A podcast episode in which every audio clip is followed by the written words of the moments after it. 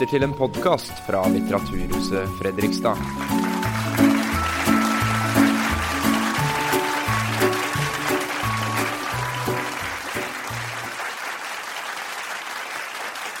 I dag har vi plukket ut en ny, god norsk film for å lese. Den filmen vi skal høre lest i kveld, er en bauta i norsk film. Den er laget av en bauta i norsk filmhistorie. Den har en kvinnelig regissør. Denne kvinnen har laget ni spillefilmer. Hun har laget tolv korte dokumentarfilmer. Den sist viste filmen hennes var i august i år på NRK, og det var 'Cecily'. og den ble vist på NRK for sjuende gang. Kanskje har dere gjettet hvem jeg snakker om. Hun hadde sitt store filmgjennombrudd i 1975.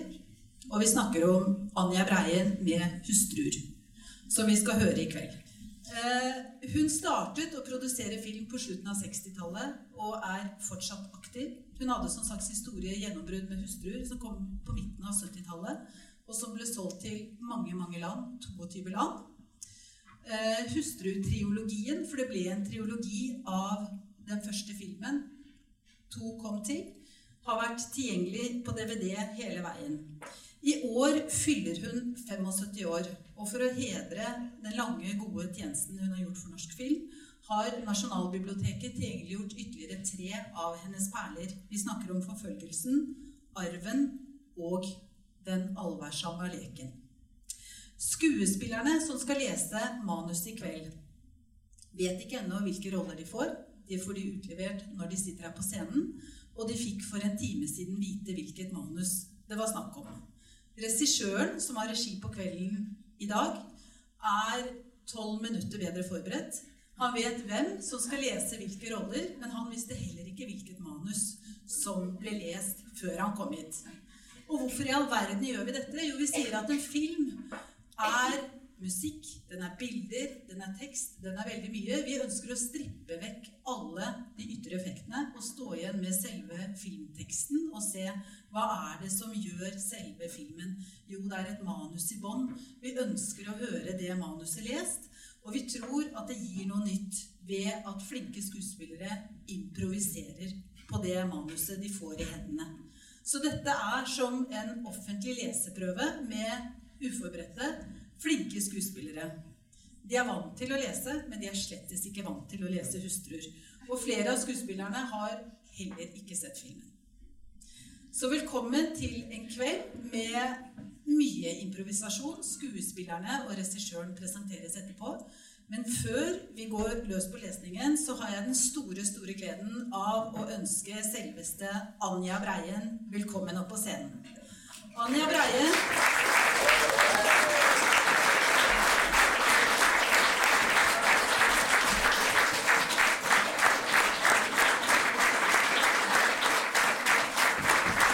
Jeg vil bare si før vi setter i gang, at vi er lykkelige over at Anja Breien vil være med og høre på at vi kanskje radbrekker hennes store gjennombruddsfilm 'Hustruer'. Og før vi går på lesningen, så vil Eva Lotta Sandberg, som jobber her på Litteraturhuset, snakke litt med regissøren om filmen vi skal høre her i kveld. Velkommen. Anja, i 1975 fikk du ditt gjennombrudd med 'Hustruer'.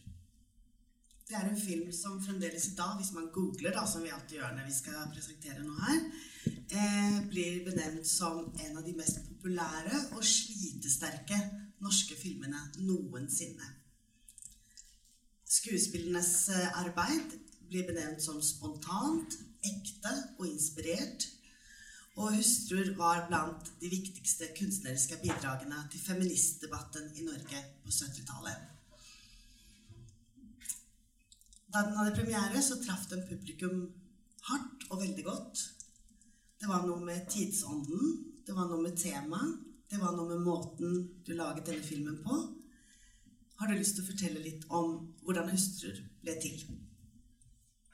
Ja, altså på La oss si 73, 74, 75. Da, da var det veldig mye kvinnedebatt i presse og overalt. Det var veldig heftig og spennende. Og eh, jeg var Det var På den tiden så var Brinkmann sjef på Nationaltheatret. Og eh, det var, det var gruppeteater, det var Svartkatten, det var pendlere. Og så var det et prosjekt som het Jenteloven, som var en parafrase over Santa Moses Janteloven, selvfølgelig. Og det handlet Det var kvinnestoff, og da var, eh, da var jeg ansatt som regissør. Og alle skrev, og det vi tok utgangspunkt også i en eh, streik. Det var rengjøringsarbeiderskene i Kongsberg som streiket. Vi reiste opp og intervjuet de. Eh, og det var eh, Vi hadde premiere på rom, skolen på Romsås. Og andre akten det var en diskusjon med publikum. Så vi opptrådte på skoler og på amfiscenen på Nasjonal osv. Og eh, så var det slik at eh, en av mine yndlingsregissører, John Casavetes, han hadde laget en film som het 'Husbands'. Og etter at eh, vi hadde jobbet med, med dette stykket, så gikk jeg og så for annen gang hans film. og 'Husbands' det handler om tre venner som begraver en fjerde venn, og som etter det vil gå på rangeren. Og det gjør de. Eh, og Peter Falk var en av de. Og de ikke bare rangler, men de rangler seg fra New York til London og tilbake igjen. Og i det øyeblikket da John Casavetes, som både var filmens regissør og skuespiller, kommer hjem fra den rangeren, så har han selvfølgelig veldig dårlig samvittighet. Og han står der med en teddybjørn i hånden, og guttungen hans kommer løpende rundt hjørnet. Og så sier at 'nå får du kjeft av mutter'n', altså og så videre. Og så når jeg gikk ut av kinoen da, så tenkte jeg hvis det hadde vært tre kvinnfolk, så hadde de hatt dårlig samvittighet fra dag én. Og så tenkte jeg der ligger en komedie. Og da var i Jenteloven så var Anne Marie Ottersen og Katja Medbø og Frøydis Arman de tre som var likest i alder. Sånn at eh, det, det ble de, da. For øvrig så var det jo i Jenteloven var det både herrer og damer med. Og Eilif Arman og Lars Andreas Larsen uh, spilte.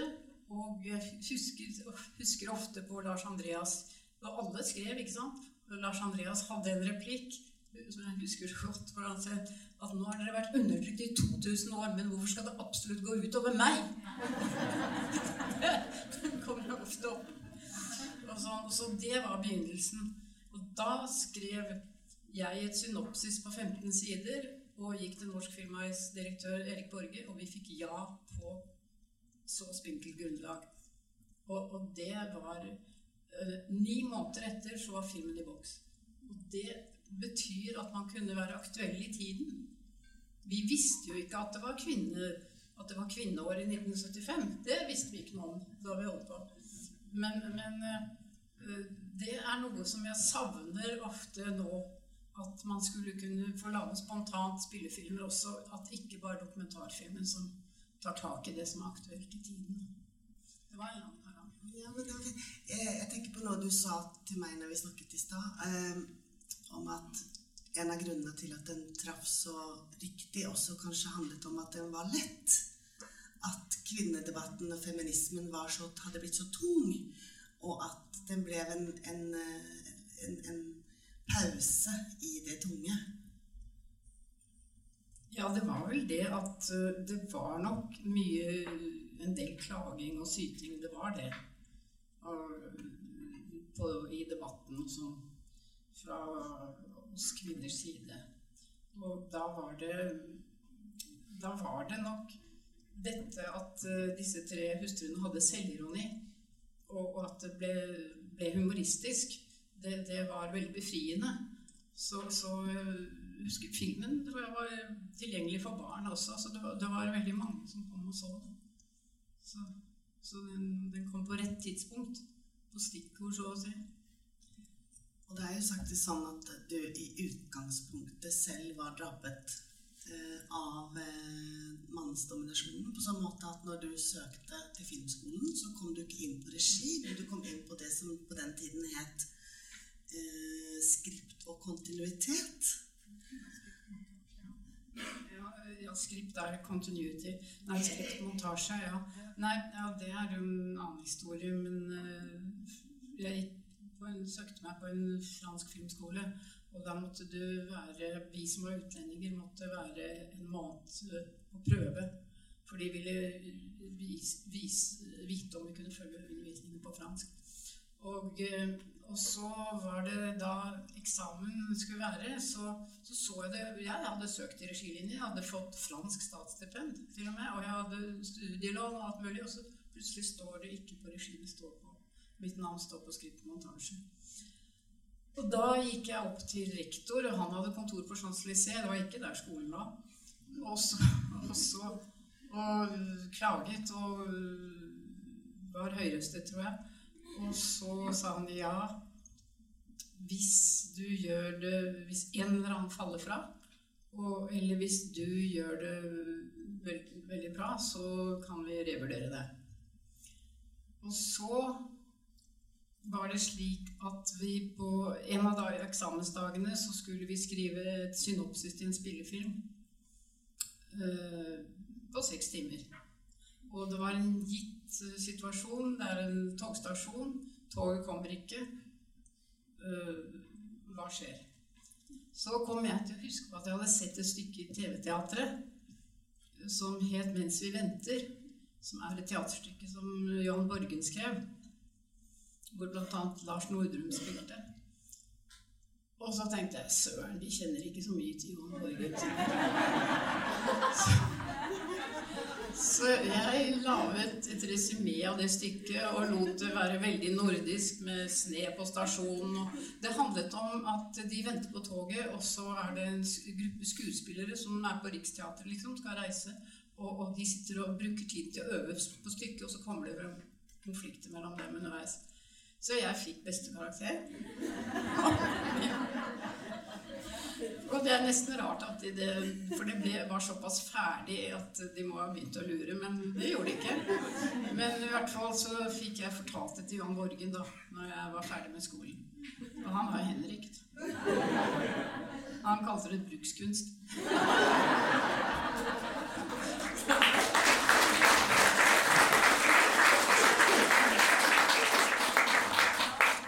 Fordi det som skjedde, var jo at du faktisk da ble Norges første kvinnelige regissør. Nei. Nei? Nei. Nei. Det er det man leser. Nei, det var Eddie Kalmar. Jeg er den første kvinne som har gått på filmskole. Norske kvinner som har gått på filmskole. For det var ingen i Skandinavia. Ikke i Sverige, ikke i Danmark. Og selvfølgelig ikke i Norge. Og det er jo sånn at filmbransjen fremdeles i dag eh, faktisk preges av en ganske sterk overvekt av menn i egentlig alle posisjoner. Og vi kjenner jo deg som en samfunnsengasjert og feministisk person. Hva tenker du om det som skjer nå, med kulturministeren som eh, ikke syns at dette er en viktig sak å gripe an i? Og eh, hvordan skal man jobbe med å få en eventuelt utjevning eh, kjønnspolitisk, hvis det nå er viktig i filmbransjen? Ja, jeg syns jo det er viktig, og, og jeg, jeg er jo mer tvilsom til kvotering. Det syns jeg er litt eh, Det er litt vanskelig. Men debatten om kvotering har vært veldig viktig. Og, og det, jeg liker ikke at man har lagt der, den debatten på hylla. Det gjør jeg ikke.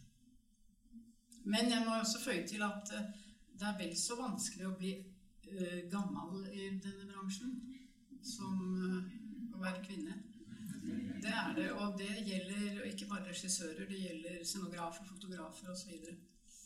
En del av det er jo at det vil jo altså Vi vil, vil jo det selvfølgelig jobbe med sin egen generasjon, som går på filmskole og kommer ut og samtidig.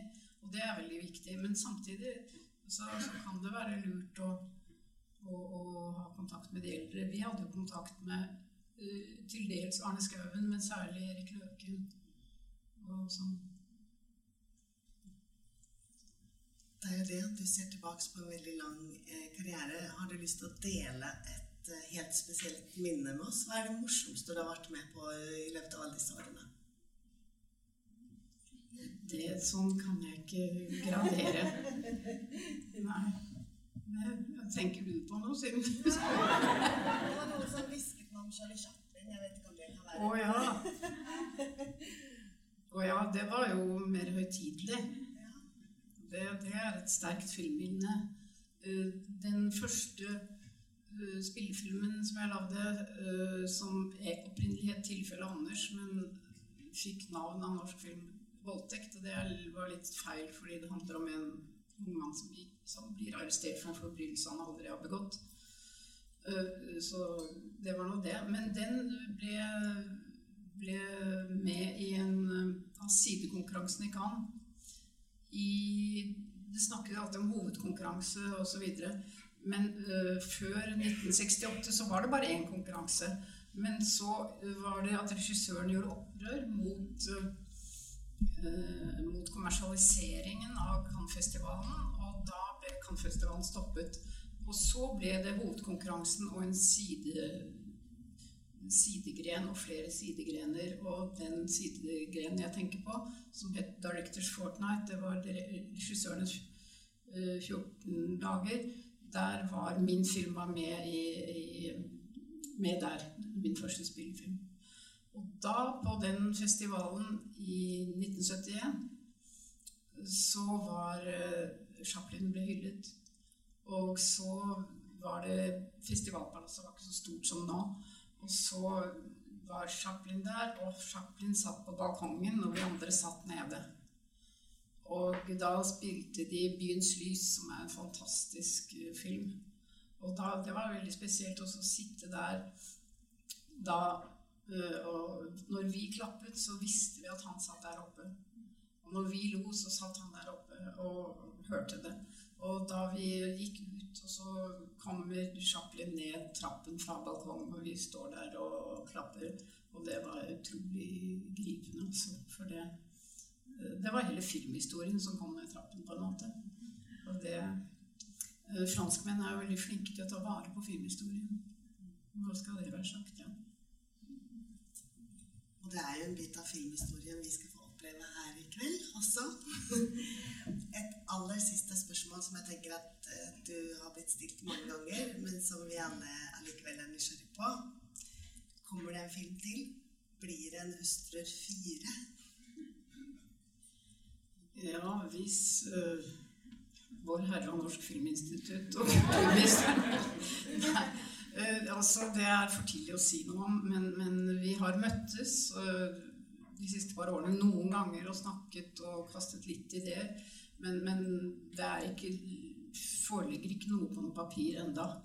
Men, men øh, det er ikke utenkelig.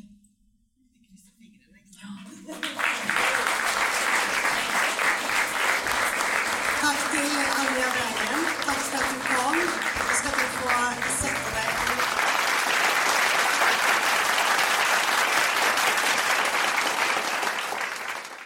I dag har vi plukket ut en ny, god norsk film for å lese.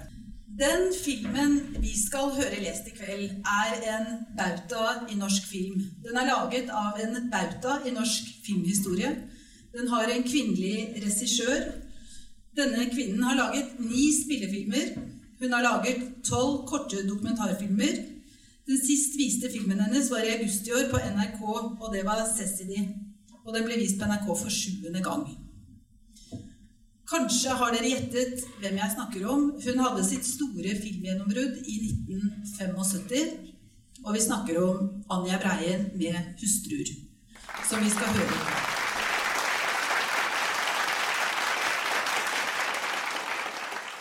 Kjetil Indregard er regissør og manusforfatter.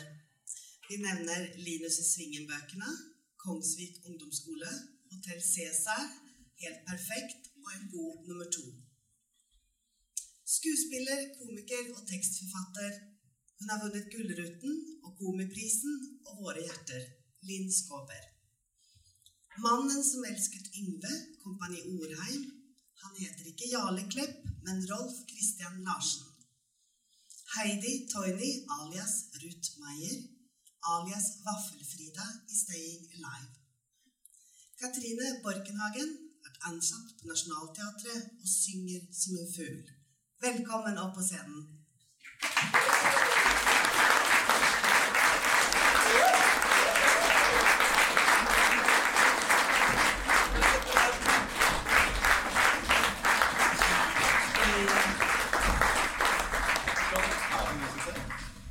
Ja.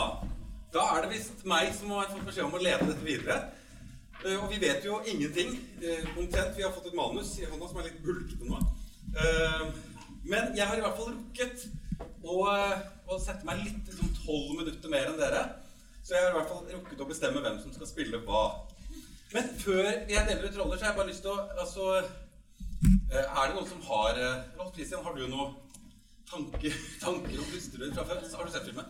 Nei, det har jeg ikke. Ikke sett filmen? Så er bare, du bare dine egen filmer? Se bare mine egne. Begynn om igjen. Heidi, du hadde, hadde du heller Jeg har heller ikke sett den, er dessverre. Kommer til å gjøre det nå. Ja, men ikke sant, så bra. Eh, Katrine, du har sett den. Ja. Men husker du noe av den? Husker du, husker du Hvis jeg sier en rollefigur, husker du hvem det er da? Eh, nei, jeg husker ikke navnet. Jeg husker sånne ting som sånn, syk, sånn, sånn hopp og hjelm. Det var sånne følelsesting. og noe sånn Katja med på noe kjøkken og gravid. Det var mer sånn følelse at det var godt, at det var bra. At det var fint, at det ville sett om igjen. Mm, Ja, men det er bra. Eh, Det er jo det vi også håper, selvfølgelig. At eh, etter at man har hatt denne dagen, at alle i denne, denne salen løper ut og får tak i denne filmen igjen. For det fortjener å bli sett igjen. Eh, Vi, jeg kan jo si at vi starta Det var veldig spennende, for vi kom jo hit for Lurer du ikke på om jeg har sett den? Nei, jeg skal spørre deg om annet. Men Linn, vi kan jo snakke om at vi For vi satt jo liksom på bakrommet før vi fikk manus. Vi hadde bare fått beskjed om å komme til Fredrikstad. Og, og vi, visste, vi fikk ikke beskjed om hvilken film det var, eller noe. Så vi satt og tenkte vi, hvordan i all verden, hva skal vi være med på? Eh, og så tenkte vi aha, vi har et spor. Det er altså tre kvinnelige skuespillere og én mannlig. Så da begynte vi å drable, og da fant vi fort ut at det er bare to alternativer. Ja. Ja. Altså, det er jo, vi tenkte, Kan det være hustruer? Eller så er det en film som heter sånn som eh, 'Rørleggeren besøker tre enslige kvinner'. Så enten hustruer eller porno. Heldigvis. Eller, ja. Vi kan ta pornoversjonen neste, neste uke.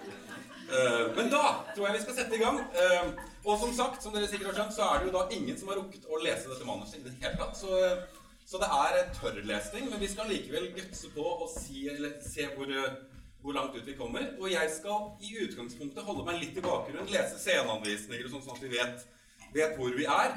Eh, og så kan det hende at jeg kommer med noen små regiting innimellom. Hvis jeg f.eks. kjeder meg og syns at dere må spille med mer følelse eller et eller annet så kan det hende det kommer noe. Men eh, vi får se. Det, det er ingen som vet hvordan denne kvelden går. Eh, men vi begynner da rett og slett Jeg har, jeg har sett filmen. Du har sett filmen? Ja, Linn har sett filmen. Har du sett alle tre? Nei, jo, jo, jeg har sett alle tre. Eh, og jeg husker sånne bruddstykker og følelser som Katrine snakker om. Jeg husker, jeg husker Katja Medbø. Det var jo sånn helt sjokkerende. Hun satt, satt på danskebåten i den baren og røyka og var gravid. Høygravid. Det var ganske politisk eh, ukorrekt til og med da. Men så husker man eh, at det var et veldig viktig bidrag i kvinnedebatten. Som, som Anja snakket om. Nei, jeg husker veldig godt at min, altså, min mor tvang meg til å se to første. ganger. Ja, hva syns du da?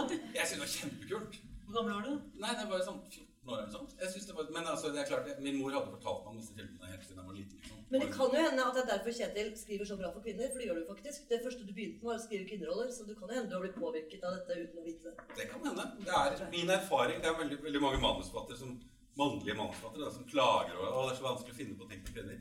Det er ikke det. Det er kan nesten, Uansett hva du skriver, så kan du i ni av ti tilfeller kan du bare tenke kunne det vært like bra med en dame. Og det, er nesten, det stemmer nesten alltid. Og ofte kan det til og med være bedre og mer interessant hvis du bytter kjønn på hovedrollen. Så det er oppfordring til alle vordende manusforfattere. Prøv å bytte kjønn. For damer her Prøv å skifte kjønn. Skift kjønn. Men da skal vi begynne. Um, yes. Eh, Det er eh, Jeg kan si bare helt i starten Vi får litt trøbbel helt i begynnelsen, akkurat på den klassefestscenen. For der er vi litt for få skuespillere.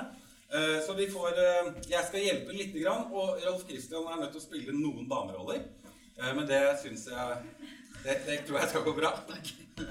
Og, eh, og et par andre dameroller, og generelt mange roller som dukker opp seinere i filmen. Men til disse tre hustruene så hadde jeg tenkt at Heidrun, altså den rollen som Frøydis Arman spiller, den tenkte jeg Linn skulle få. Ja. Så tenker jeg at eh, Mie, som er Anne Marie Ottersen sin rolle, den skal Katrine få. Ok. Og Kaja, som da altså var Katja Medbø, den skal Heidi få. Og Rolf Christian har resten. Så da skal jeg bare Er det et ledig glass her, så kan jeg ta meg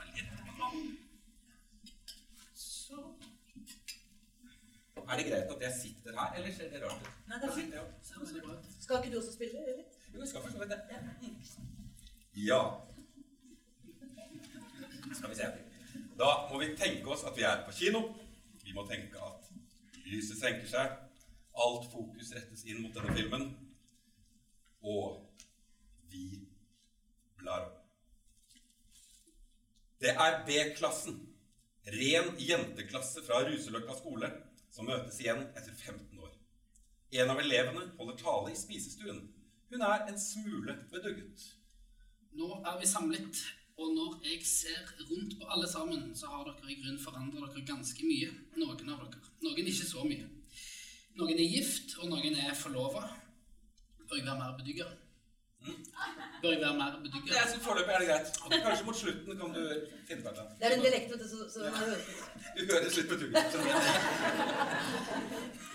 Men det er jo noen av dere som fremdeles er unge og frie. Jeg vil få lov til å rette en spesiell takk til vår kjære frøken, som har greid å banke litt vett og visdom inn i oss. Jeg vil på vegne av hele klassen få lov til å overrekke denne buketten. Tusen takk, alle sammen. Jeg er dypt rørt. Men altså, noen tale skal jeg ikke holde. Vi får jo snakke sammen senere i aften. Men hjertelig takk.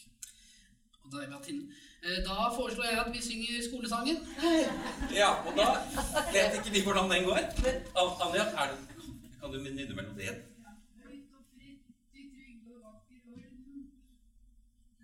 Vi tar den derfra, vi, ja. Skal vi ta en, en resitasjon av det? På, var det, var, det en, var det en sang vi burde kjenne? Nei? Nei? Men vi synger den. Vi. Vi kan den, altså. Vi, vi kan den. Høyt og fritt i trygg og vakker orden. Løftet over byens larm og brus. Steiler skolen vår utover fjorden. Skotter vår mot gamle Akershus.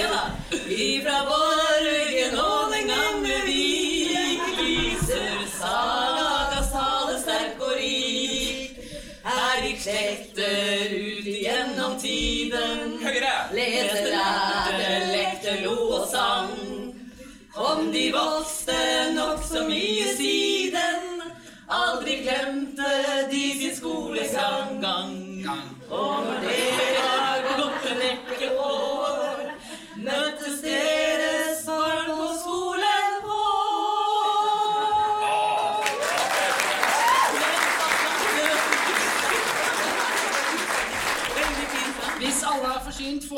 vi går inn i stuen og får kaffe. Takk for maten. Vel, vel bekomme. Ja. Det var scene én. Da går vi over inn i stuen. Der sitter gjestene i grupper ved forskjellige kaffebord. Det er en del løping til og fra, og de har kommet et godt stykke ned i likørflasken allerede. Eh, hvordan er han, da? Helt alminnelig, i grunnen ganske flott og lys. Hva driver mannen din med, Mie? Han er sånn kundemottaker Ja, hvor da? på Fiat. Jeg traff han eh, Per, ja. Husker, husker du han? Anna. Du, Anna, du var litt sammen med han. Nei. Jo, jo, jeg husker, jeg husker det. Er det noen her som ikke er gift? Stillhet. Jeg er ikke gift. Er du forlovet, da? Ja. Det er jo gammeldags. Ja, det er jo mange som bare lever sammen også. Kaja tar seg til sin gravide mage. Nå sparker han. Åh. De andre kjenner på magen. Kjenn på magen.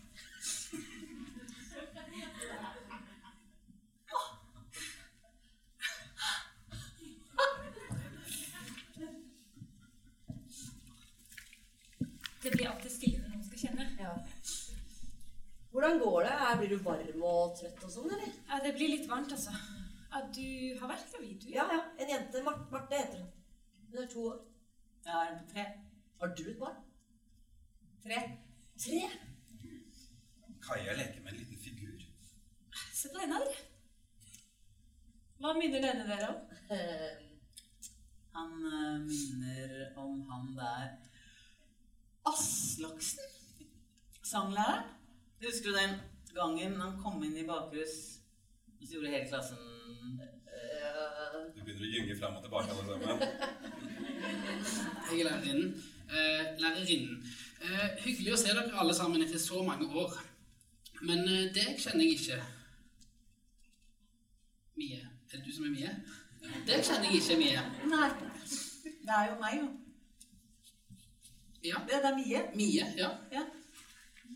Det er meg med prompeputa. Ja, nå husker jeg dere alle tre. Det var Mie, eh, Kaja og Hei, Heidrun. Ja, dere tre var alltid sammen. Hva driver du med da, Heidrun? Jeg jobber på sjokoladefabrikk. Det er jeg som har, jeg som har fucka de der. Ok. Eh, du da, Kaja, studerte du? Nei, jeg gikk på sekretærlinjen. Ja, jobber du nå? Er ikke siden førstemann kom. Hva gjør mannen din? Han er advokat. Eget firma.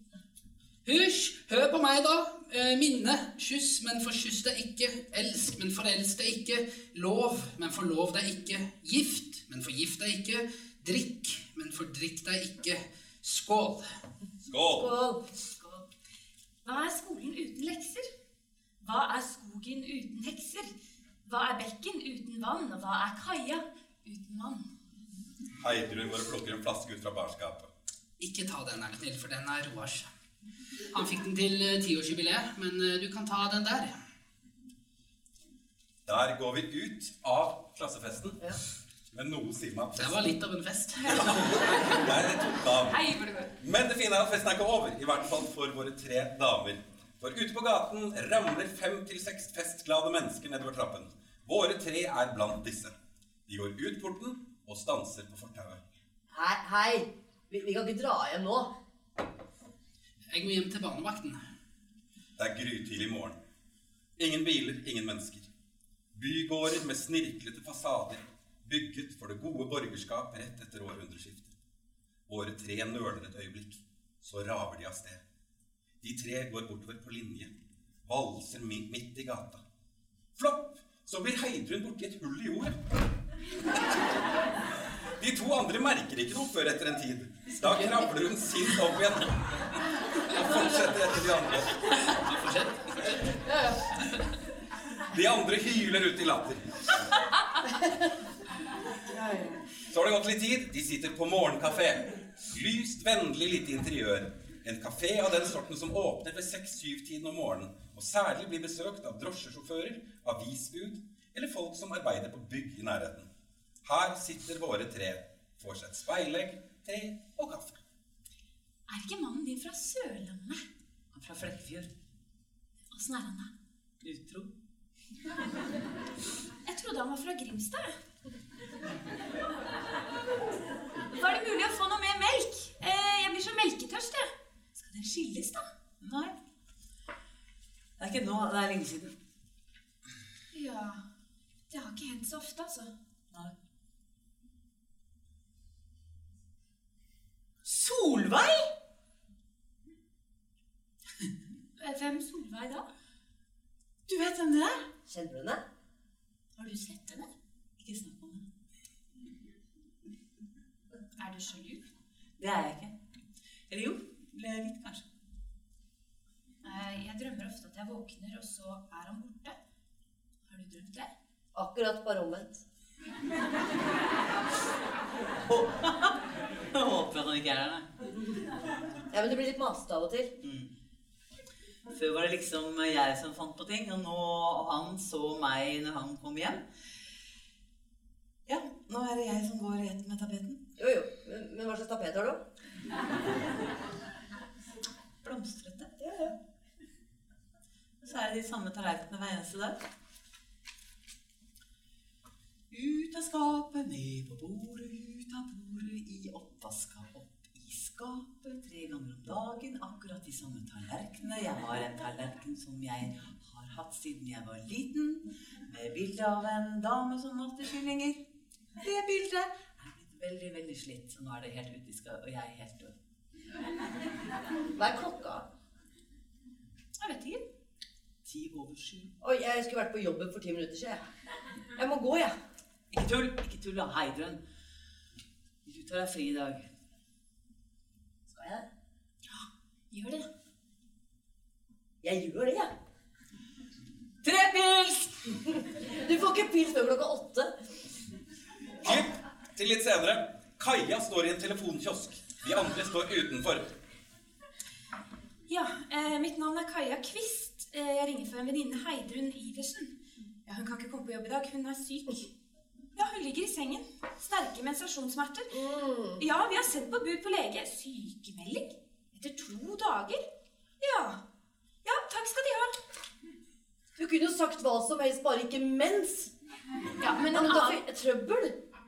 en annen gang kan du ringe selv, da. Gulbrune kakler på veggene. De tre jentene kommer inn i en badstue og setter seg. Kan du ta badstue? Ja, bare litt for å få varme. Svak sjenanse. Forholdet til kropper i rommet. De ser om de andre damene er stygge eller pene. Menneskenes menneskelige, ufullkomne kropper. Kajas mage trekker oppmerksomhet. Kontaktløsheten i en slik badstue i kontrast til nakenhet.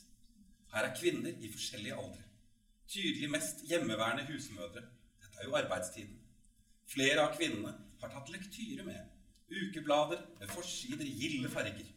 Konger og dronninger, prinser og prinsesser, og kjendiser. Og hemma hos, og med glatte smil. Blant de som sitter på benken tvers ovenfor, en eldre dame. Den gamle, tynne kroppen. Vakker og patetisk på samme tid. Slitt. De tre ser på hverandre. Ikke helt synkront, men nok til at vi får fornemmelsen av at alle tenker det samme. Slik skal vi også bli en gang. De blir litt skremt, men også betatt. Ny scene i garderoben etterpå.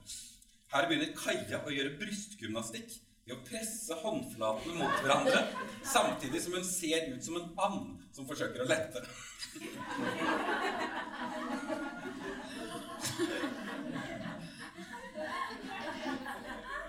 Det der har jeg glemt. Det der er jeg også med, faktisk. Dette er ikke manus, altså. Nei, nei. Det jeg tror jeg er en sånn derre 80-talls- 70-tallsøvelse. Var det det, jeg hadde? Jeg husker at man skulle, man skulle gjøre sånn. Men måtte man gjøre sånn? Hæ? Det er for å fremheve anden, ikke sant? Ja, ja. Da folk fikk kjøpt seg mye, vet du. Ja, det var det. det var det. Du, ok, sorry. Jeg på dette her. Er det noen dere husker det? Får, får man større pupper av å gjøre det der? Jeg vet ikke. Jeg, jeg lærte det på kurset. Mie og Heidrun prøver også. Ja, Men du ser jo at det strammer opp. Ja. Ja, ja. Jo visst. Jeg, jeg syns det er så fælt å ha så små pupper. jeg. Det er moderne det nå. Tenk på meg, da, med dette slaskeriet her.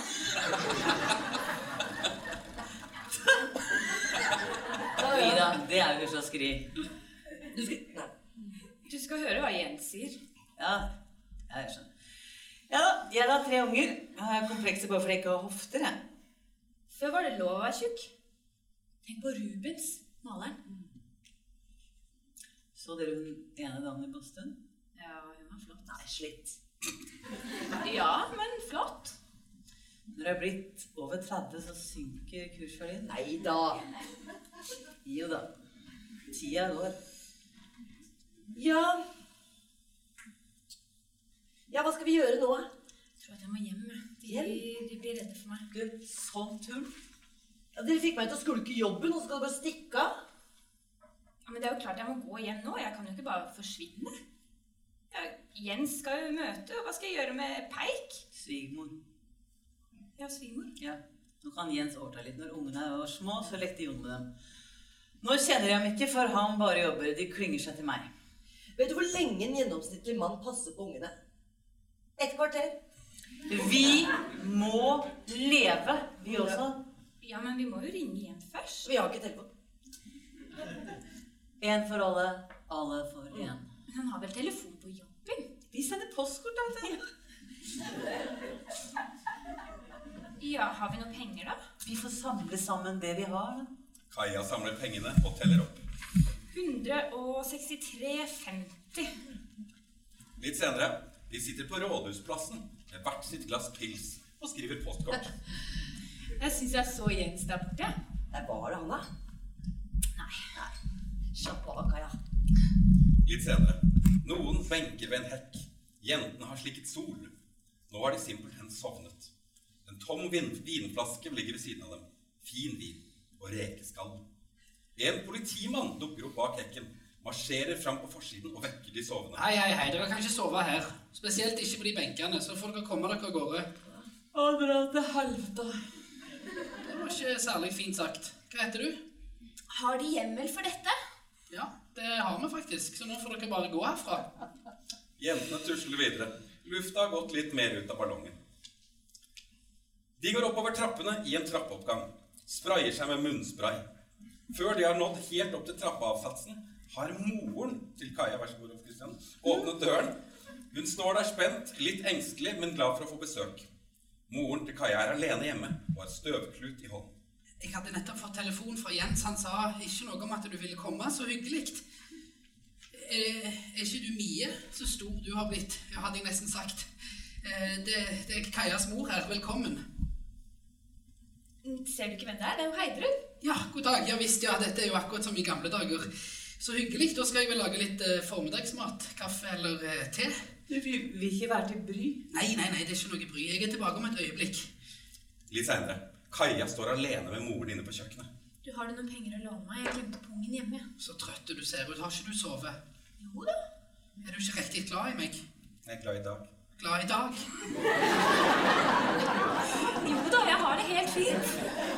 Du skal ha mye mosjon, frisk luft. Spiser du riktig? Ja. Hysj da, Kaja. I stuen igjen sitter alle rundt kaffebordet og spiser. Dere spiser jo ingenting. Eh, eller sjakk. Opp til hans side. Ikke mer enn to måneder igjen, så skal ha, så har Kaja to unger. Har dere unger? Ja. Når man får unger, forandrer sannelig livet seg for en kvinne. Jeg husker godt da Kaja ble født. Heidrun har akkurat mistet jobben sin. Å, hvor jobbet du? Jeg jobbet på, jeg jobbet på en sjokoladefabrikk. Ja, jeg var òg på fabrikk på kontoret. Det var rett før jeg traff Kajas far. Vi traff hverandre på trikken. Ja, vi oppdrakte hverandre der. Heldigvis skulle vi ha på samme stopp, og han fulgte ikke etter meg eller noe. Vi, vi skulle i samme butikk. Det var jo et hell. Det var brødbutikk. Far skulle ha vørterkake. Vørterkake. Vørtekake.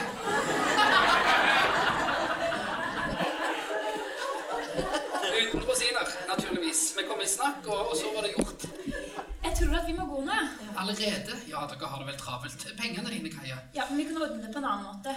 Uh, har du noe selv, da? Ja, far kommer hjem i morgen, vet du. Kajas mor beundrer antrekkene til de tre jentene. Så fine dere er med de lange skjørtene. Det gikk min mor med også, da jeg var ung. Alt kommer tilbake, vet dere. Og Kaja, urett, eller urett etter onkel Fritz. Det, du glemte det sist òg. Ja, men jeg har ikke tenkt meg rett hjem. Men du, det er så leit når familien ser at dere ikke har henta den. Og, og husk å være forsiktige. Det er verdt en liten formue, selv om man står Bare et lite stopp der. Hvilket ur snakker du Hvor stort er det? Også, bare så vi vet det. Ja, det er ganske ja, Litt krøkkete å bære med seg rundt, liksom. Ja, ja men det er fint. Da har vi bildet i hodet. Godt. Jentene ute på gata, de strener av sted. Hvor fant du på det med jobben? Nei, Det bare datt ut av meg. Kan du ikke sette klokka igjen et sted? Nei, er du gal? Den er verdt over 1000 kroner. Klipp til. De stiller seg opp og tar gruppebilde av seg selv inn i en fotoboks. De ser ut som forbryterspirer, slik alle gjør på slike bilder. Litt senere. De sitter i en typisk mannfolkbar, særlig for forretningsfolk. Jentene sitter i baren på høye barkrakker, de eneste kvinnene der inne. Nå må vi få de drinkene snart, sine. Ja, de der borte har fått drinkene sine. Selv om de kom lenge etter oss. De to herrene som har blitt servert allerede, kommer anstigende til bordet. Kan vi få lov til å by dere på en drink? Ja. Hva drikker dere? Skal jeg våge meg på en gin and it, tro? Ja, for, for her er jo hun veldig gravid, ikke sant? Det, er- ja, ja. Jeg eh, And it? Ja, hva er it? It. Gin and it. Gin and it. Ja, Ja. gin and Hva, it. hva er det? Tonic. Hva er det? Tonic? Gin and it. tror jeg. Gin and it, det er kult. Jeg tar sånn eh, prærieøyster. Ja, ja, da skal jeg ha White Lady. Ja, og så skal vi ha to whisky med is. Skål, da. Skål! Skål! Skål! Ja, jenter, dere er ute og lufter urverket. Har dere hørt om hans eh, Har dere hørt om han som tok klokka med seg opp i et fly for å, for å se tiden fly? Jentene blir sjarmert. De er gøyale og har godt humør, gutta. Jentene syns dessuten det er skjønt å bli oppvartet med slik oppmerksomhet. De skåler og drikker, og jentene er tent og syns livet har en mening. Ja, vi presenterte oss vel ikke? Jeg heter Per. Ja, hei, Rasmus. Heidrun. Mie. Kaja Kvist. Ja, det er ute på byen i aften. Ja, vi hadde tenkt oss på nattklubb. Nattklubb. Det er ikke billig. Nei? Nei, Det kan bli flere hundre kroner per mann. Det var mye. Ja, hun var ganske tjukk av penger da, ja. Det må da finnes noen steder som eh, Jeg har så lyst til å gå ut, jeg, og ja, fortsette. Ja, men Vi har et uh, lite sted rett oppi gata. Vi kan, eh, vi kan lage fest der. Ja, ta en drink og litt musikk og sånn. Har ikke mer moro enn vi lager med oss sjøl. Vi oss sjøl.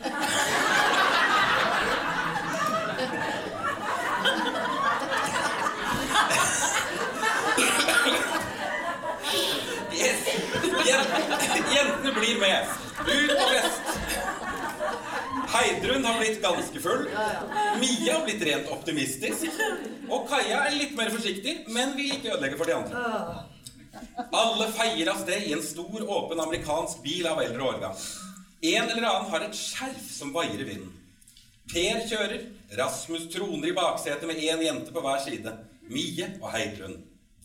Så, litt senere, kommer de inn i et fotoatelier. Vær så god, stig på. Det er her vi jobber. Jentene vises rundt i atelieret. Veggene er bekledd med bilder og digre plakater. Reklameplakater. Digre forstørrelser av kvinneansikter eller helfigurer. Jentene blir små i forhold til bildene. De blir litt imponert av alt dette profesjonelle. Her er et oppsett som nettopp har vært fotografert. En støvsuger til en reklamebrosjyre. Kan vi ta et bilde av dere, eller? Nei, det er corny. Nå tar vi bilde av dere. Nei, nei, nei.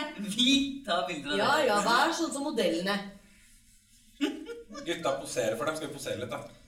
Vi kan hoppe. Ja, ok. Gutta poserer. Du tar på Nei, nei, nei, nei, det var bare fordi du leste den neste setningen. Skal vi posere? Ja. Ok, da. Ok, Da, da må dere styre oss, da. Hva skal vi gjøre? Skal vi bare stå sånn? Nei, nå kommer det nesten ned. Nei, øh, øh, øh, lø- Løs litt opp om buksene. Nei, det i manus? Ja, ja, ja, ja, ja. Det gjør det. Nei, det skal løs litt opp. Opp med buksene, står det.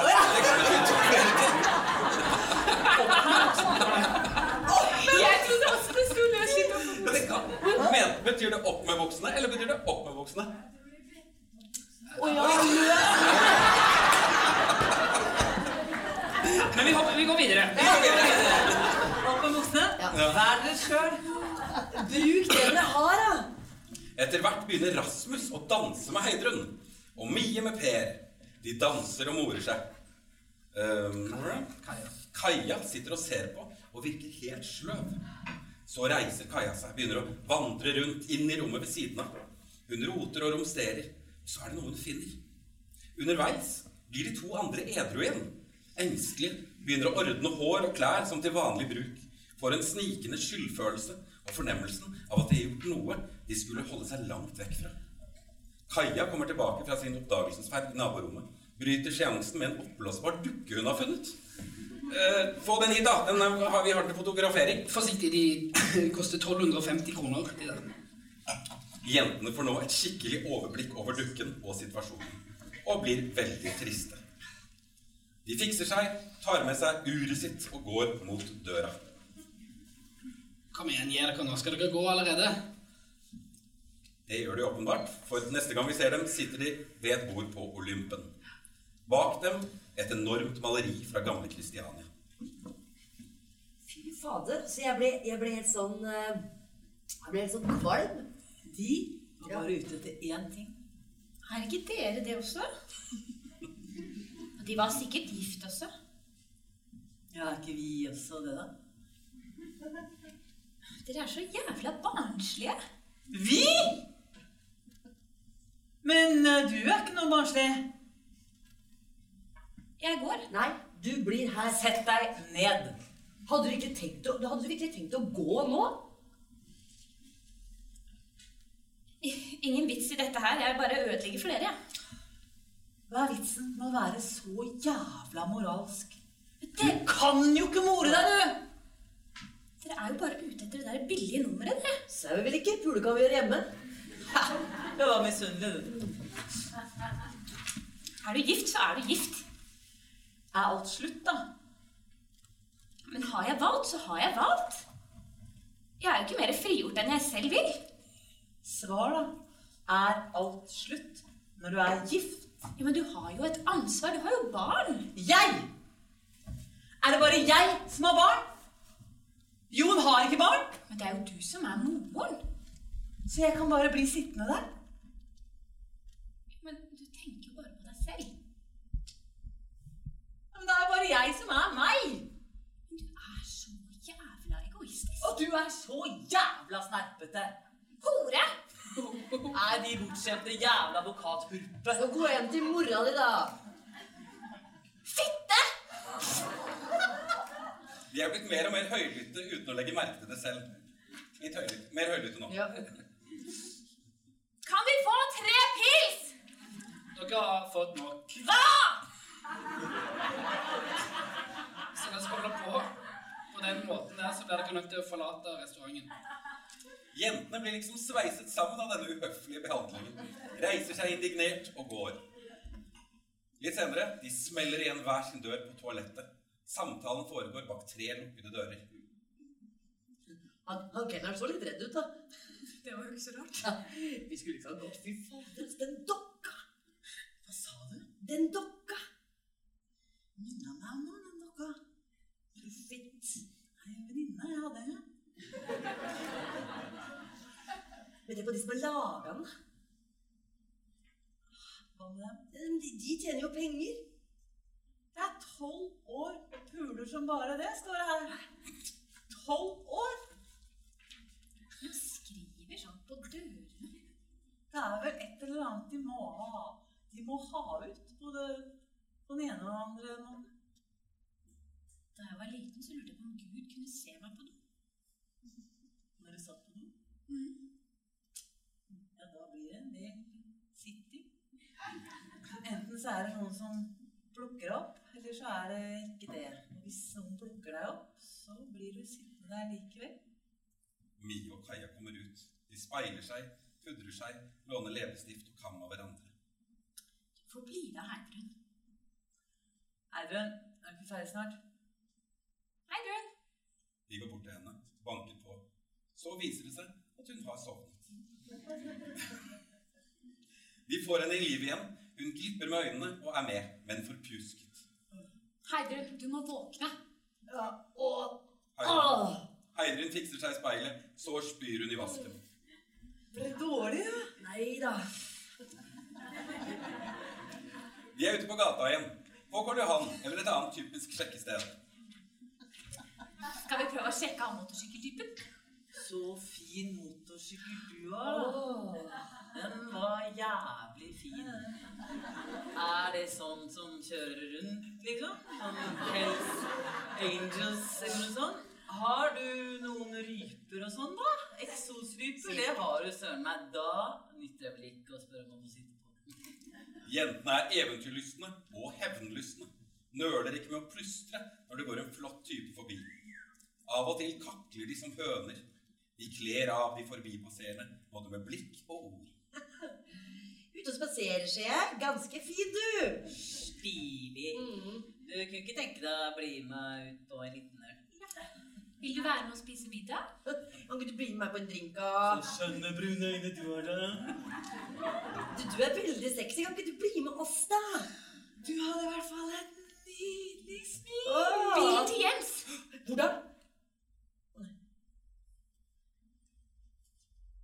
Å nei! Nå må du både holde av. Ja, men det lignet jo! Nå går vi. De sitter øverst i trappen i Ulandsgata. Utsikt. Byen er igjen tømt for mennesker. Om en time begynner det å bli lyst igjen. Det må være ganske strevsomt å være mannfolk. Jeg er glad det ikke er meg.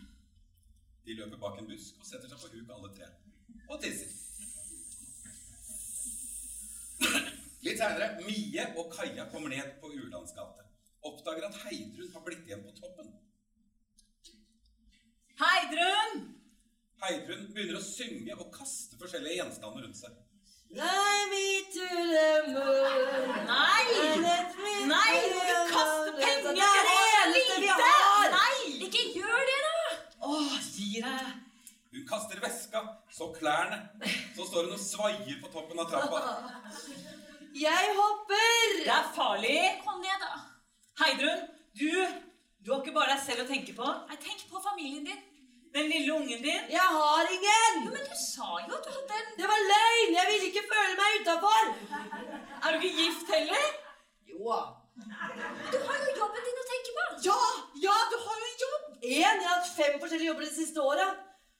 Plutselig blir hun trøtt og gir opp. Forsvinner der oppe fra. Kommer ned trappa. De andre to går henne i møte med alle tingene hennes. Heidrun fikser seg litt. Jeg vet om et sted vi kan gå jeg. Ikke hjem. Nei, ikke hjem. De trasker av sted. Mie vet veien. Bort den ene gata, gjennom en park. Opp den andre gata. Heidrun stopper opp av og til og står helt stille. Bare står og må trøstes. Så kommer de inn i et hus. Opp en trapp, til en dør. Mie fomler i veska og drar opp en nøkkel og låser dem inn. Hvor er dette henne? Fredrik? Fredrik? Jeg roper Fredrik. Det står så Fredrik! Fredrik! Bare gå inn og sett dere. Ingen svarer. De er alene. Heidrun og Kaja snuser nysgjerrig rundt i leiligheten. Her er en øl. Ja, jeg har en elsker. Er det ikke det det heter? Det er han som bor her. Hvor er han nå, da? Han er mye ute og reiser. Han jobber på boreplattform. Han er undervannsveiser. Dykker. Han er veldig flott. Hvis dere visste hvor glad jeg var da jeg traff ham. Men du er ikke så glad nå. Mie begynner plutselig å gråte. Jeg må jo velge. Det er ikke så lett når du har unger. da. Du skal liksom sitte der i leiligheten. Jeg har ikke hatt sommerferie engang. Det blir liksom ikke sommerferie på meg når vi er på land. Jeg fikk unger da jeg var 19, og jeg fiksa det ikke. Jeg har aldri fiksa det der. Du skal jo ikke Du skal liksom ah, Du skal ta deg ungene litt også, ikke sant? Og så ikke får du noe daghjemsplass, og så ikke får du noe hjelp. Og så er jeg glad i både Fredrik og Jon, men Jon blir det så jævlig mye vaner og vaner. Jeg får vel ikke noe godt sånn men Heller jeg beundrer ham veldig, jeg gjør det. Fredrik, så blir liksom for sterkt, og så blir jeg redd for det òg. Jeg har ikke spist frokost av ham én gang, men jeg har rett og slett litt godt av det òg. Ja. Ja, du sier jo ikke det med ungene, for da blir jeg gæren. Hvorfor blir det aldri sånn som vi drømte om? Veldig fint. Hvordan du blir mer og mer 70-talls etter hvert. Vi går videre. Kanskje det har noe med penger å gjøre? Penger? Ja. Du ser ned på oss, du som er hjemme. Nei. Men det er noe med at du må bestemme litt sjøl, du òg. For deg å si, du som har egen lønn og ingen unger. Og du opplever i hvert fall ikke noe. Men du opplever i hvert fall noe. Jeg har jo bare vært med Jens, jeg. Ja. Jens er den eneste som jeg har vært sammen med. Mannen min Ma Mannen min, han slår, han.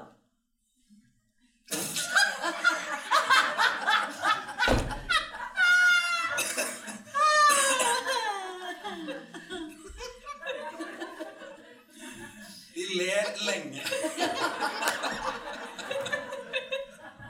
Han slår! Du, da? Jeg, jeg, jeg bare klyper litt, jeg. En fjern dur som et sus fra byen, avbrutt av et plutselig pang. Det Det var Mies ølboks som datt ned på gulvet. Hun har sovnet i en sittende stilling. De to andre sleper henne tvers gjennom leiligheten og inn på soveværelset. Det var godt å se en seng. Åh, ryggen min. Jeg kan godt massere deg litt. Det var vel deilig. På jobben min så kan du risikere å få sparken hvis du blir gravid. Nei, jo. Det var en jente som ble gravid rett etter at hun ble ansatt. Hun måtte slutte. Vi har tre måneders prøvetid, og første måneden så kan du bli sagt opp på dagen. Det brukte de mot henne for å slippe å gi henne barselspenger. Hun var spansk, da, så hun turte ikke å ta det opp. Jeg prøvde å hjelpe henne, men uh, Men er det hjemmel for sånt, hjem, hjemmel? Ja, i loven. Nei. Fabrikken har bestemt det. Jeg gleder meg sånn. Du aner ikke hvor deilig det er. Og særlig begynnelsen. Og da er de helt avhengig av det.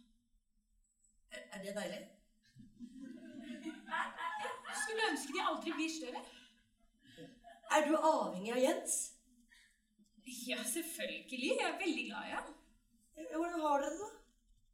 Nei, men jeg vet ikke. Før var det jo Men nå Ja, hver gang så blir det jo vanskeligheter. Han blir jo helt taus. Og så begynner han å jobbe, og så Men han har jo en veldig viktig jobb. Det, det er det de er oppdratt til, vet du. Jobbe og holde kjeft. Hvorfor har ikke du fått barn? Jeg, jeg har ikke villet, jeg. For- Foreløpig, i hvert fall. Ja, mannen din, da? Nei, han har det ålreit, han. Akkurat som Akkurat nå er vi ikke sammen. Skal dere separeres? Nei, bare pause. Er, er du lei deg, da? Nei. Litt seinere. Mie, iført igjen munnbeskytter og fullt utstyr, beveger seg fremover. I jakt av de to andre som sover ved siden av hverandre. Hun setter i et krigshyl. Nytt vræl fra de to andre! Ja! Frokosten er servert! Der. De sitter og spiser frokost på kjøkkenet. Døra står åpen ut til balkongen, hvor klærne deres henger til lufting. Mia har kjøpt ferske rundstykker og laget eggerøre. Ellers er det litt magert med pålegg. En knert av en geitost og kaffe. Mie stadig i hockeyutstyr. Gi meg saltet. Jo, hvor blir det av han eh? Han er vekk. Jeg skulle, jeg skulle gjerne vært sveiser, jeg, altså. Ja, jeg tar et kurs, da. Venninna mi tok kurs. Fikk ikke jobb. Var ikke damegarderober, det. Snakka dere om meg i natta? Nei. Jo, at du snorker. Snorke? Du gjorde det hele natt, i hvert fall. Heidrun demonstrerer hvordan vi snorket. Eh, dere bare sammensverger dere? Nei. Hva skal vi gjøre nå, da? Reise. Reise? Og hvis jeg skal reise noe sted nå, så blir det med båt. Jeg må hjem, jeg. Ålreit. Da reiser vi uten deg. Med en lynsnar bevegelse kaster Kaja eggerøren sin i ansiktet på Mie. Det preller av munnbeskytteren, og Mie er fornøyd. Har vi noen penger til å reise? Jeg har penger, jeg. Jeg stikker opp på jobben og henter pengene mine. Litt senere. Heidrun blir geleidet inn i personalsjefens kontor av en dame som forsvinner igjen straks.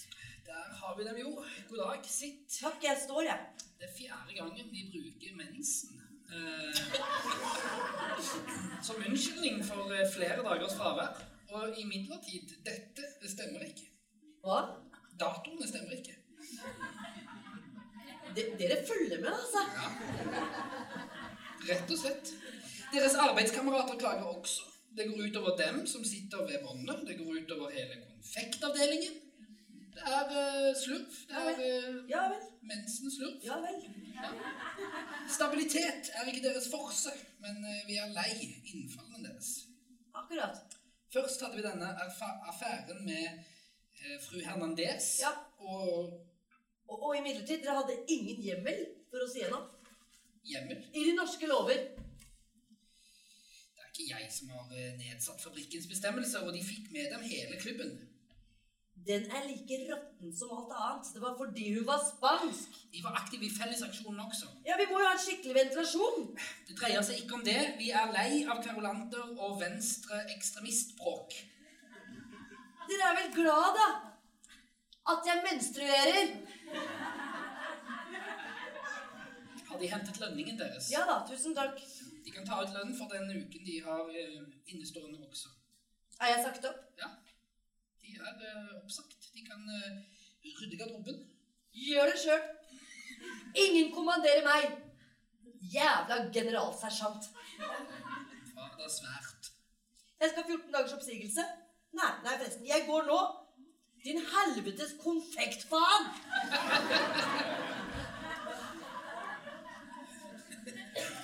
Kaja og Mie sitter med en uteligger, uteligger i en park. Jentene syns de er fælt så tøffe.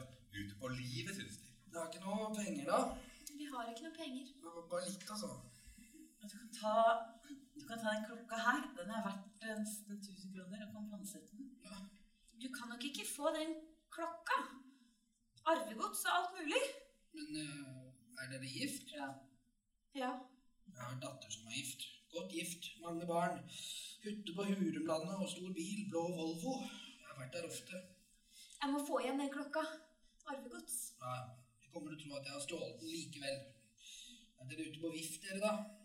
Ja, vi er uh, ute på livet. ja. Vi har ramla i to dager av. Uteliggeren forsøker å klemme Mie, men hun dytter ham bort. Luksusfrø. Luksusfrø. Det er. Luksusfrø. Luksusfrø. Det er, det er jo skjellsord, da. Nei. Luksusfrø. Ute på livet, ja, dere to.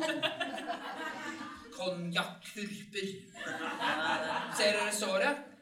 Det er rød sprit. Dere kan vel bare gå på Ragnhild og komme hjem til de møkkamennene deres og få trøst. Dere får vel en hundrelapp bare dere slipper en fjert. Nei, kom da, så går vi. For her har Heidrun også kommet. Han sliter litt med østnorsk Å, ja. er. Karaktervalg. Men der kommer altså Ja. Heidrun. Nei, kom da, så går vi. Ikke vær sur. Jeg er ikke sur. Det var ikke vår skyld. Ja, det virker bare som om dere ikke skjønner hva dere holder på med. Jeg, jeg fikk sparken. Det hadde dere venta på lenge. Litt seinere, utenfor leiligheten. Noen lyder inne fra leiligheten. Musikk fra en radio. Vi venter her, vi. Vi skal ta med noen klær, da. Jeg er inne i Mies leilighet. Hun er litt overrasket. Lister seg inn, nesten nysgjerrig på hvordan det ser ut. Stille Der! Plutselig, midt på gulvet, står ektemannen, likeså stille, med et skremt uttrykk i ansiktet, og med et oppvaskhåndkle over skulderen og gummihansker på hendene. Det ser rotete ut omkring. Barneleker flyter. Han klemmer henne og tar henne fort inntil seg. Hvor har du vært? Hva er det som har skjedd? På Ragnhild, nå skal vi ut og reise. Ja vel. Ungene er ute og leker. Mamma kunne ikke komme, hun var syk. Har du fått deg ny bluse? Ja. Mia går inn på badet og begynner å pusse tennene. Har du hørt om hun som tok eh, feil i fylla? Hun brukte barberskum i pessaret. Hun ble gravid. Solveig. Solveig Engerud. Er du ikke ferdig med det ennå? Tydeligvis ikke. Nå begynte du å interessere Kan vi gå litt tilbake der og ta det fra den replikken med litt høyere temperatur? Hørte om hun som tok feil i fylla? Ja, men jeg, jeg, jeg er forbanna for det. Nei, den er ikke så sett, men det begynner vel med Solveig Solveig Engerud. Ja. Hørte om hun som tok feil i fylla, brukte barberkrem i pessaret. Hun ble gravid. Solveig. Solveig Engerud. Åh, er du ikke ferdig med det ennå? Tydeligvis ikke. Åh. Ah, Ja, Når begynte du å interessere deg for uh, ishockey? I fjor sommer! Ja, men så Da er det likestilling her, da. Jeg kan ikke passe unger hele tida heller. Jeg må tjene penger. Hvis du kan skaffe 54 000 i året, så ok. Først så skaffer jeg deg en leilighet. Eh, altså Først så skaffer jeg deg en leilighet, så var du misfornøyd med den. Så skaffer jeg en leilighet til, så var du misfornøyd med den òg. Det var jo ikke daghjemsplasser der! Ja, men er du klar over at jeg kan miste jobben min? Jeg ser deg aldri mer. Jeg ser deg aldri mer. Jeg måtte holde hånda for nesen i telefonrøret da jeg ringte på jobben. Sant? Hadde jeg sagt at jeg ble vekke på ubestemt tid, så Ja, det er mye å gjøre om dagen. Du likte deg jo bedre på gulvet. Ja, men lønna, sant? Og lånet. Lånet på leiligheten. Stillhet. De ser på hverandre.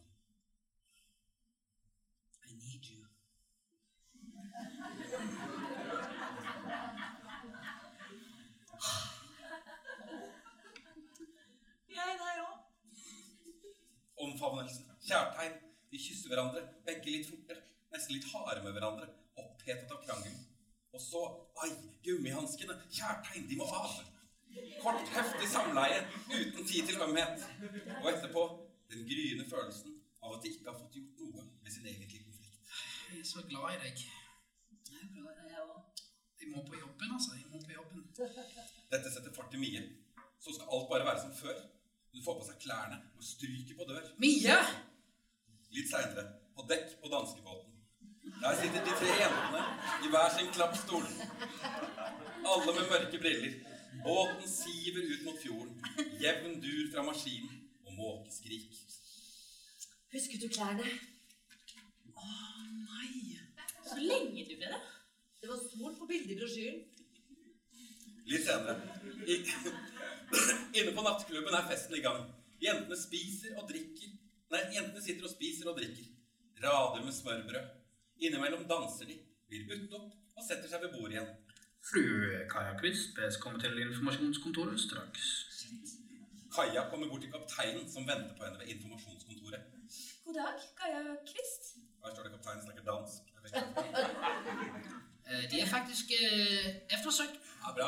De har fått en eh, telefon fra politiet, og vil de ringe her som er? Nei, Jo. men jeg tror ikke det er nødvendig. Nå, eh, men hva skal jeg så si til politiet? Ja, men De kan si at jeg er i god behold, og at jeg kommer hjem snart. Nå, da skulle det være i orden.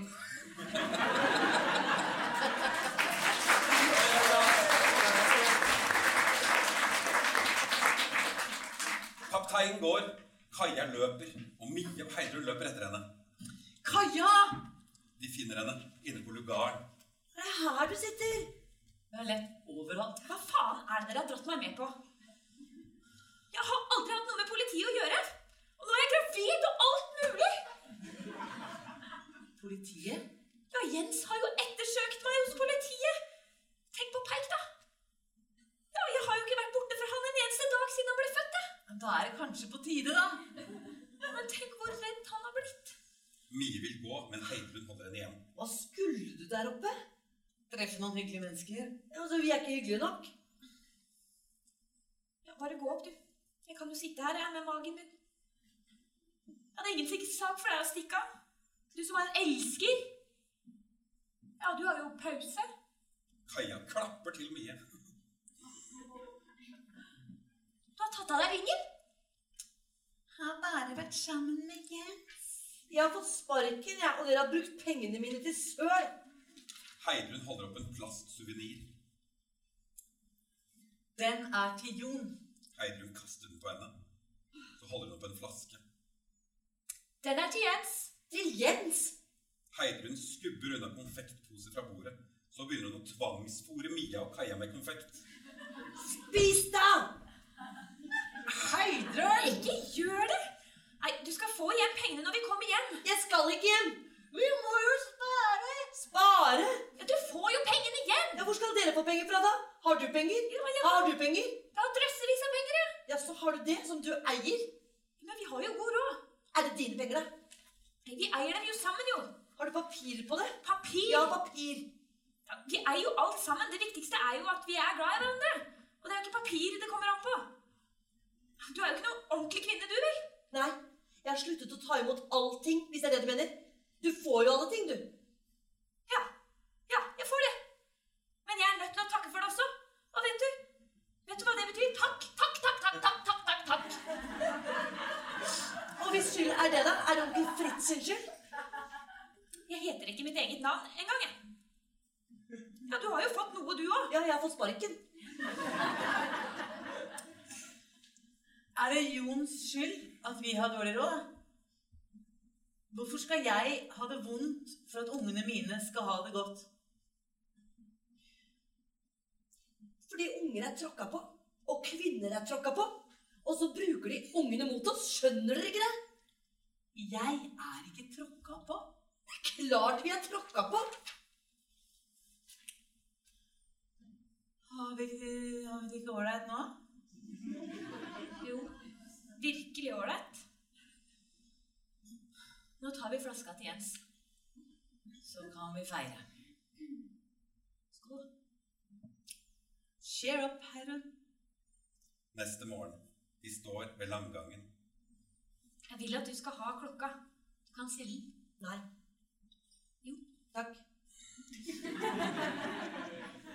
Ha det. Pass på deg selv, da. Den, vet du. Heidrun forsvinner. Mie og Kaja står ved rekka og vinker. Der nede skrår Heidrun over plassen ved Amalienborg med klokka under armen. Vi klipper oss til at båten nå siger inn mot Oslo.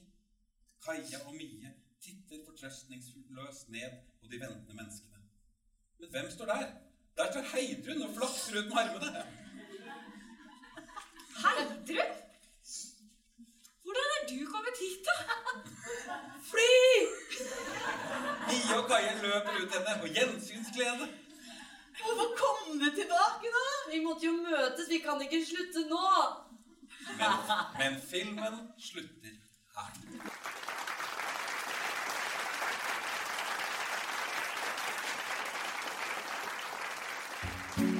Nå har du hørt en podkast fra Litteraturhuset Fredrikstad.